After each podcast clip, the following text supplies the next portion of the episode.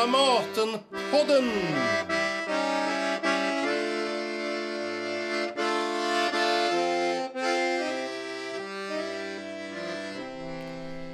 Välkommen till Dramatenpodden med mig, Anneli Duva. I det här avsnittet ska ni få höra ett samtal om dövheten. Det är en pjäs om absolut gehör, känslomässig dövhet och skapande i samspel med både levande och döda.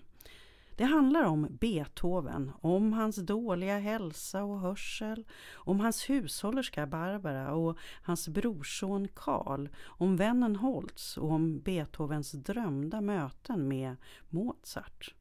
Pjäsen är skriven av Niklas Rådström, för regin står Peter Langdahl och premiären ägde rum på Drottningholmsteatern i september. På scenen medverkar även en stråkkvartett ur Kungliga hovkapellet under ledning av Maria Lindahl. Och sen september har uppsättningen flyttat först till Dramatens lilla scen och sen nu även till stora scenen. Och nu när året också blivit 2020 är det ju faktiskt 250 år sedan Beethoven föddes 1770.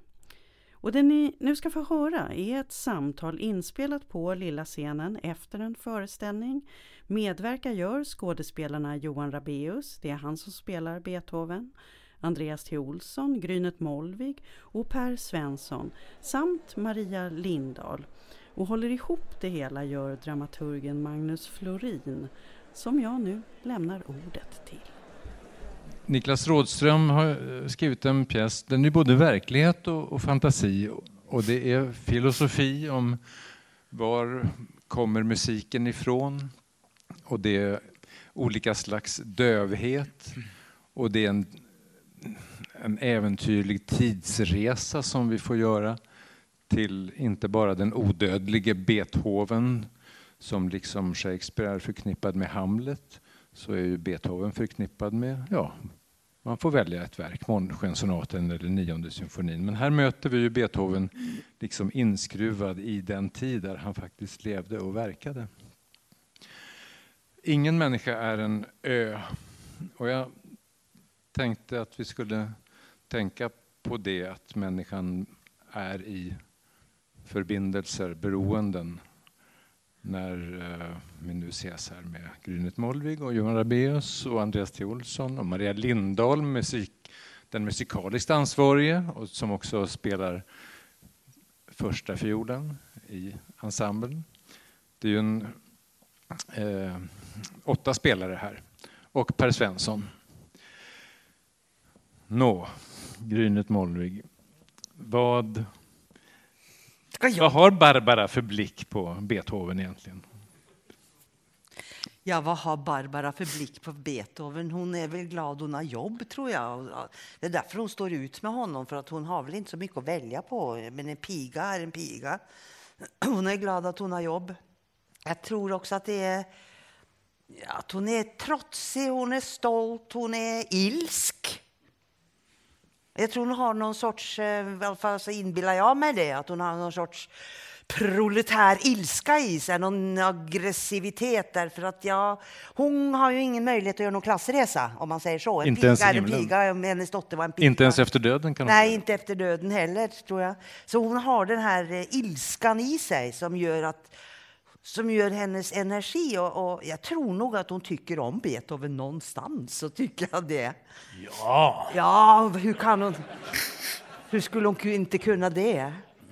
Om vi tar eh, Holtz och Per Svensson. Vad, ja. Det är en komplicerad historia här mellan Holtz och Beethoven. En oro, ja. oro som finns i kroppen på Holtz. Ja, uh, Holtz uh, han var ju kamrer och, och uh, andra violinist i Chopins stråkkvartett som spelade Beethovens verk. och Beethoven hade ju en annan kopist och sekreterare som hette Schindler.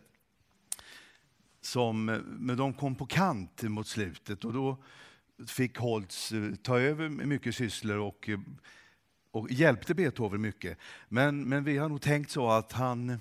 Och det är ju ah, dokumentärt? Eller? Det, ja, ja, visst, ja, visst, det var så. så var. Ja, Sen vet vi ju inte exakt hur han har tänkt, men att, ja, ja, vi ville inbilla oss att han, han eh, älskade Beethoven och musiken som han skapade och att eh, att få vara nära en sån här mästare. Att jag, jag tror att uh, Holtz var väldigt ödmjuk och, och insåg det fantastiska i det här. Sen vill ju då Beethoven använda eh, Holtz som spi spion också. Och, och, för att vi gör teater av det här och det ska bli lite roligt så har vi ju valt att, att välja att Holtz inte vill spionera. Han är ju för ängslig eh, för det. Va? Så att när jag blir ombedd att spionera så, så är det som att... Han är en god människa. Ja, han vill väl. Va? Det är inget Så han, gör det, han gör det mycket motvilligt och så gott han kan, men vi tänker att han är en dålig spion. Och, och så Johan har en hund som heter Musse, som, som älskar Johan och som Johan älskar. Och då har vi tänkt att Holtz är lite som den här hunden. För att eh, Beethoven har så mycket problem med dels eh, döv och, och, och med Karl som han älskar, men, men som han ställer till det för Karl. Men, men Holtz, det är som en liten, när kommer han? Men kom, kom.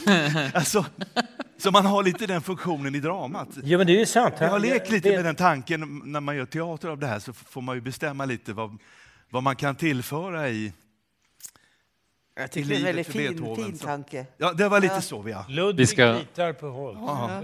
Vi ska närma oss Beethoven genom de andra rollerna. Och Ja. Andreas, du har du har två roller. Och Karl som säger vid självmordets försök att äntligen ensam. Och Mozart som säger att han tycks längta efter de levande. Det är två sätt. Mozart och Karl i en dubbelroll här. Men vad är Karls eh, situation? Jag tänker att eh, den person som vi talar om nu, Beethoven, är ju en produkt av att vi sitter här med facit och vet att Beethoven är det geni som, som han eh, blev och var. Eh, och jag inbillar mig att när man då är brorson till någon, oavsett om det är eh, Beethoven eller om det hade varit en, en murare eller en fiskmånglare eller sådär, så, så är man ju, man är ju i, i relationen. Det är ju det som är det centrala för, för honom.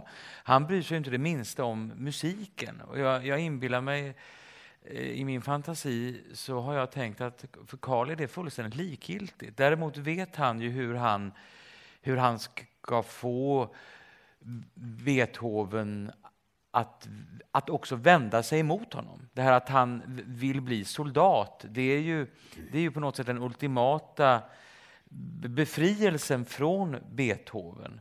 Eh, och jag menar, Karl, det ser vi ju som vi har valt att göra honom. Han är ju inget soldatämne, det ser man ju lång väg. Men de, de där lockarna och den där samhällsrocken, han vill ju, han vill ju vara en Goethe eller en Oscar Wilde kanske. Eller jag vet inte.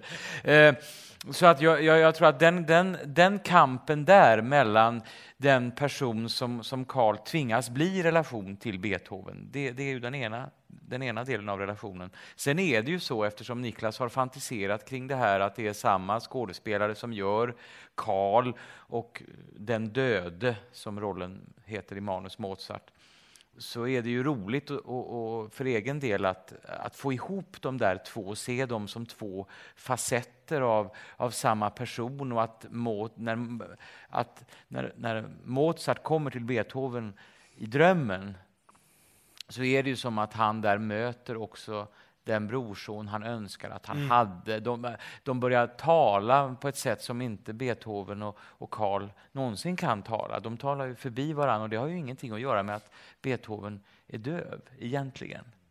Eh, och, och det... Ja, Du Och det inte... märks ju på slutet också, eller hur? Då, då går ju rollerna ihop. ja precis. Ehm, Du lyckades inte döda mig, säger Beethoven. ja. Vad är det för känslor han har, Beethoven, för sin... Nej, Men han blir ju berörd. Han, alltså, han kommer verkligen åt. Men- Men alltså, han är ju... Jag satt och funderade på det, med om han har... Hans EQ inte är så eh, högt. Känslomässig Nej, intelligens. liksom att han, han var ju ins... Och det, det tror jag är dokumenterat också. Han var ju liksom instängd i sin värld. Och, och, den misstänksamhet som följer med att man inte hör vad folk säger bakom ens rygg. Det faktum att han aldrig hade kvinnor och, eh, och att han inte fick barn. Allt det där gjorde honom så instängd och desperat. Ibland tänker jag ju också att, att det var förutsättningen kanske. Alltså dövheten gjorde att han kunde skapa den där fantastiska musiken. Därför att den tvingade honom. Hotet, den mörka kraften. Som, han talar ju om det, jag tycker det är så bra det Niklas har skrivit om den där demonen. Och det är ju hans inre demoner i kombination med handikappet att vara döv och att det där är en, det var förutsättningen. Alltså det, det, det, han, att komma över det gjorde att han kunde skriva den där eh, fantastiska musiken. Och det sägs ju att han, att han, när han skapade som bäst, när han var som mest inne i, i sitt skapande, då försvann bruset. Och då var han ett med sig själv och tillvaron. Ja. Maria Lindahl, musikaliskt ansvarig, det betyder förstås att du leder orkestern, musikerna under föreställningen, men det betyder, betyder ju mycket, mycket mera. Vad du har gjort av, eh, för att skapa en musikalisk föreställning. Berätta någonting om arbetet. Ehm, ja, det var ju väldigt speciellt därför att Niklas Rådström är ju otroligt kunnig i musik eh, för att vara författare. Eh, och han har skrivit in vissa stycken och ett av de styckena går som en röd tråd i föreställningen. Det är inledningen på hans, alltså Beethovens femtonde kvartett. Det var det här långsamma som man hörde väldigt ofta som dyker upp första gången som Beethoven hör musiken men de andra hör det inte till exempel. Um, så den tog jag fasta på. Uh, men sen så är det ju väldigt mycket mer drama man vill åt. Man vill kunna gå emot. Ibland går man med det som sägs, går med texten och ibland går man emot. Det är det som är kul i musikdramatik tycker jag. Så att eh, det är huvudsakligen musik av Beethoven och huvudsakligen musik från just den här perioden, den senare delen av hans liv. Men också som inledningsstycket som kommer sen med en underbar jodelvariant. Det är också en väldigt oväntad Beethoven, en polacka. Så man hör den tänker att nej, det kan inte vara. Jo, det är också Beethoven. Um, och sen blandat med några kompositörer på B. Bella Bartok kommer där som en eh, väldigt bra teatermusik, kändes det som. Eh, det har varit kul och spännande att få vara med i det här från, från början. Att följa texten och utvecklingen, tolkningen av texten också tillsammans med Peter Langdahl. Peter, Lang Peter Langdahl, regissören. Ja. Vad spelar du på för instrument? Fiol. och mer bestämt? Eh, jag spelar på en fiol från 1850 som är från Paris och det är en byggare som heter Jean-Baptiste Villaume. Och eh, han är kanske idag mest känd för att han byggde fiol åt Paganini.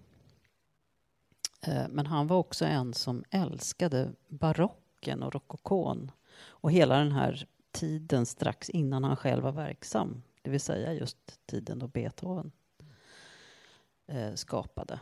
Och eh, min fiol är sammansatt av locket är från 1700-talet, sent 1700-tal.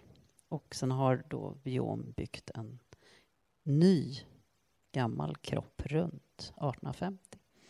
Så det är en, eh, ska man säga, en fusion, en revolutionär fusion som passar till den här musiken. Men du, hur är det med det där? Blir det alltså bättre ljud ju äldre fiolen är? Eller, eller, eller hur är det med det? Nej, eh, fiolen klingar bra redan från början. Och sen så kan naturligtvis om trät, det är väldigt mycket det här med vilket trä man använder, hur tät eller bred ådring det är i trädet för att det ska klinga. Um, men det märker man väldigt direkt. Jag har även en helt nybyggd fiol som Vad sa du? Du jag, har har en nybyggd även, fiol? jag har också en nybyggd fiol Ja. hemma och den klingar också fantastiskt.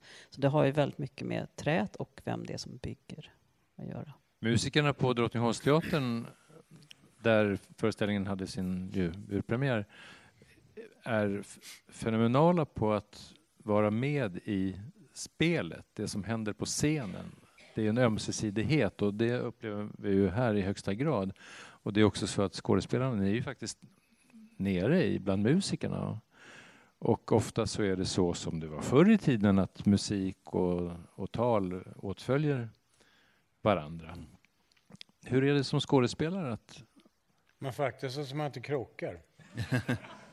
Hade, hade vi vetat det här om, om hur dyr fiolen var innan, Ja, ja, ja, hade vi ju aldrig Helt rätt. vågat... Ja, nej, nej. Nej, men jag tycker det är underbart att ha eh, musiken som medspelare. Det, det, det är ju fantastiskt. Det är en självklarhet. Jag kan, nu kan jag inte tänka mig något annat. Nej. Det har växt in i varandra och blivit mer och mer eh, ett, tycker jag. Ju mer och mer vi har, flera föreställningar vi har jobbat ihop så har det blivit mer och mer inte bara jag som viftar och svaff, sopar och joddlar, men det överhuvudtaget har blivit växt in i varandra på ett väldigt, väldigt Det är en fint rolig sätt. form på något vis. Det, det, det slog mig när vi hade spelat ett tag. Och man, man undrade vad är det här för en föreställning vi spelar? Den, den, är- den, är, den är ju svår. Det var roligt att prata mer om. Men, men den, den, man undrar, man undrar ju så här, vad är, vad är det här för slags föreställning?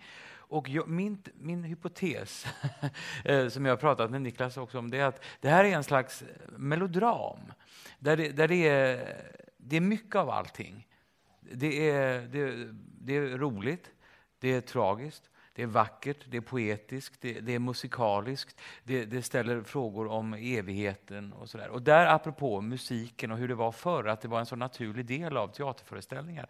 Eh, jag tycker det, här, det är underbart att vara i en, en form där man, där man står och vet på scenen att ikväll kommer vi ge en föreställning där publiken får mycket, mycket av det mesta och väldigt lite av det, det återhållna och avskalade. Det, det, det, är som att, det är som att ge en present och sen kan man säkert tycka ja det där partiet det, det var man inte så förtjust i. Men det, då kommer det ett annat parti. Alltså det, det, är, en, det, det är nästan en, en, en eh, vaudevillartad form. Eh, och att göra det kring ett ämne som Beethoven, det är ju i sig eh, spännande och, och, och just oförutsägbart. Maria? Ja, jag, jag tänkte på det också när vi, eh, Johan pratade om Beethovens sätt att komponera och hans dövhet. Att Beethoven var ju också en väldigt revolutionär person. Mm. Han förespråkade ju verkligen revolten och hela hans väsen utstrålar ju det och hans musik i mångt och mycket har ju en sån otroligt stark kompass vart han vill, vad han vill säga. Och, ehm, det är också någonting som ligger i tiden. Att revolutionerna i Frankrike och även i Sverige eh, var en form av revolution. Eh, Han är alltså född 1770 Mm. och då är han 19 år 1789. Mm. Och sen slår revolutionen över i reaktion, i Napoleonkrigen. Men det föds också under dessa år en ny konstnärsroll som inte är en hantverkare som levererar till Till hovet. systersonens eh, födelsedag en liten flöjtkonsert utan som skapar ur sitt eget. Och det verkar hos Beethoven knyta ihop sig med föraktet mot furstar, kungar, Ja, men han fick ju en publik på ett annat sätt än Mozart hade, till exempel. Som ju var beroende av hoven och beroende av, eh, av den aristokratiska miljön. Men han, det kom ju ett borgerskap upp och han fick en, en, en, stor, en stor publik på det sättet. Så att, att han, det är därför han är så irriterad i början att det inte kommer publik. Men det var ju en sån konsert som han gav för en, en allmänhet på ett annat sätt. Och det var ju nytt. Men jag, jag tror att även om han inte hade blivit döv så hade han skapat den musiken. Alltså jag tror att han var den, sin tids barn. Mozart gick ut på i mångt och mycket, i sin storhet, eh, går ju att jämföra som genier. Mozart gick ut på... Men hans, hans persona gick ut på att just, ehm, eh, vad ska man säga, vara till lags. Att skapa någonting för att han skulle bli omtyckt och upphöjd. Medan Beethoven går precis tvärt emot. Och det är också typiskt för den tiden att har man haft ett beteende tillräckligt länge så måste det ske en förändring. Så, så ser ju världen och livet ut, tycker jag. I De, mångt de och säger det att, att, att eh, eh, Beethoven var den första kompositör som kunde skrämmas med sin musik. Medan Ja. Mozart behagade. Ja, det finns eh, musik långt före Mozart som är väldigt skrämmande tycker jag. Det finns en som handlar om eh, The Big Bang, till exempel en fransk rebell har skrivit som börjar i kaos. Mm. Det är första klustret man känner till skrivet eh, början på 1700-talet i Frankrike. Och det är bara ett enda stort liksom, eh, atonalt ackord som vibrerar. Redan då? Redan då, långt, långt tidigare också, 1500-talet kan man ha med. Vi sa i början här att Nu det blir är jag väldigt verkligen, nördig här så ni får se åt mig att sluta. det verkligen är så att det finns en dokumentarisk grund här, att Niklas Rådström har utgått ifrån fakta, historik, en stor biografi av Åke Holmqvist som man verkligen kan läsa. Men vad, nu är det en diktad Beethoven, men vad har, vad har Johan för dig den verkliga Beethoven inneburit? Har du gått in i hans realitet? Nej, jag har gått in i den här pjäsens Beethoven. Eh, och, och eh, mött texten och eh, jobbat med den. Och har man tur så händer ju någonting med en själv när man drar sin text och bekantar sig med den. Så jag gick omkring i somras i ett par månader och höll de här monologerna och lite annat sånt. Så det, det är ju, och sen, sen är det klart att, att, eh, att, att man kan forska lite och googla. Och jag har försökt att kämpa med eh, Holmberg, heter han? Nej, Holm, Holmqvist. Holmqvist. Eh, Den biografin, den är väl på 900 sidor. Och han är ju nörd om jag så ursäkta. Men alltså därför att han, det, det, det är varenda detalj. Så att den, den får man, hur ska jag uttrycka det, snabbläsa på något sätt. Så. Men eh, ja, det är väl ungefär. Per, er, Holtz och Beethovens sätt att kommunicera, Ja. det är ju det är ett antal små enastående charadscener. Gäster med gester, eller lite Lennart? Swahn. Ja, ja. ja. Men det är också så som vi sa innan att det, bygger på de här, eh, mycket av samtalen vi för nu, de är ju som eh, Andreas börjar pjäsen med att skriva ner allt han säger. Och så gjorde man ju, och de böckerna finns kvar. Det var ju ett par hundra böcker eller någonting. Som, som, men man vet inte vad Beethoven eh, svarade, men man, man vet vad, vad de runt sa till Beethoven. Men då är det igen det här att vi ska göra teater för er och vi kan inte stå en hel kväll och säga en replik och skriva det, utan vi får hitta sätt att, eh, så ni förstår att han är döv, men vi kan inte stå och skriva hela tiden. Och då lekte vi lite det här med gäster med, ja inte gäster med gester, det låter ju lite banalt, men eh, att göra teater av, av dövheten, hur vi ska lyckas. Och, Kroppsspråket. ja, på något sätt. Ja, du har gjort Ja. konst av att skriva på griffeltavla. Ja, Griffith, ja, just det. ja. Den hårdhet som Beethoven kan visa när han säger exempelvis Förstår du inte vilken skam du har utsatt mig Mm. för? I vilket läge är Beethoven för att kunna säga en sån Men det hårdhet? var ju straffbart på den tiden eh, med självmord. Och misslyckades man så åkte man ju i, fängelse. Ehm, Men det är inte bara en juridisk sak utan det är också en emotionell situation som han säger det i. ja, men han är ju så desperat i förhållande till Karl. Han, håller, ju på- han förlorar ju honom och han känner det. Och, och det, det är väl en del av den, den dövheten som vi talar om. Att han, han är innesluten eh, i, i sig själv. Men detta nu paradoxen som du var inne på med att men just inneslutenheten och dövheten kan göra att han kan som motkraft skapa denna musik. Ja.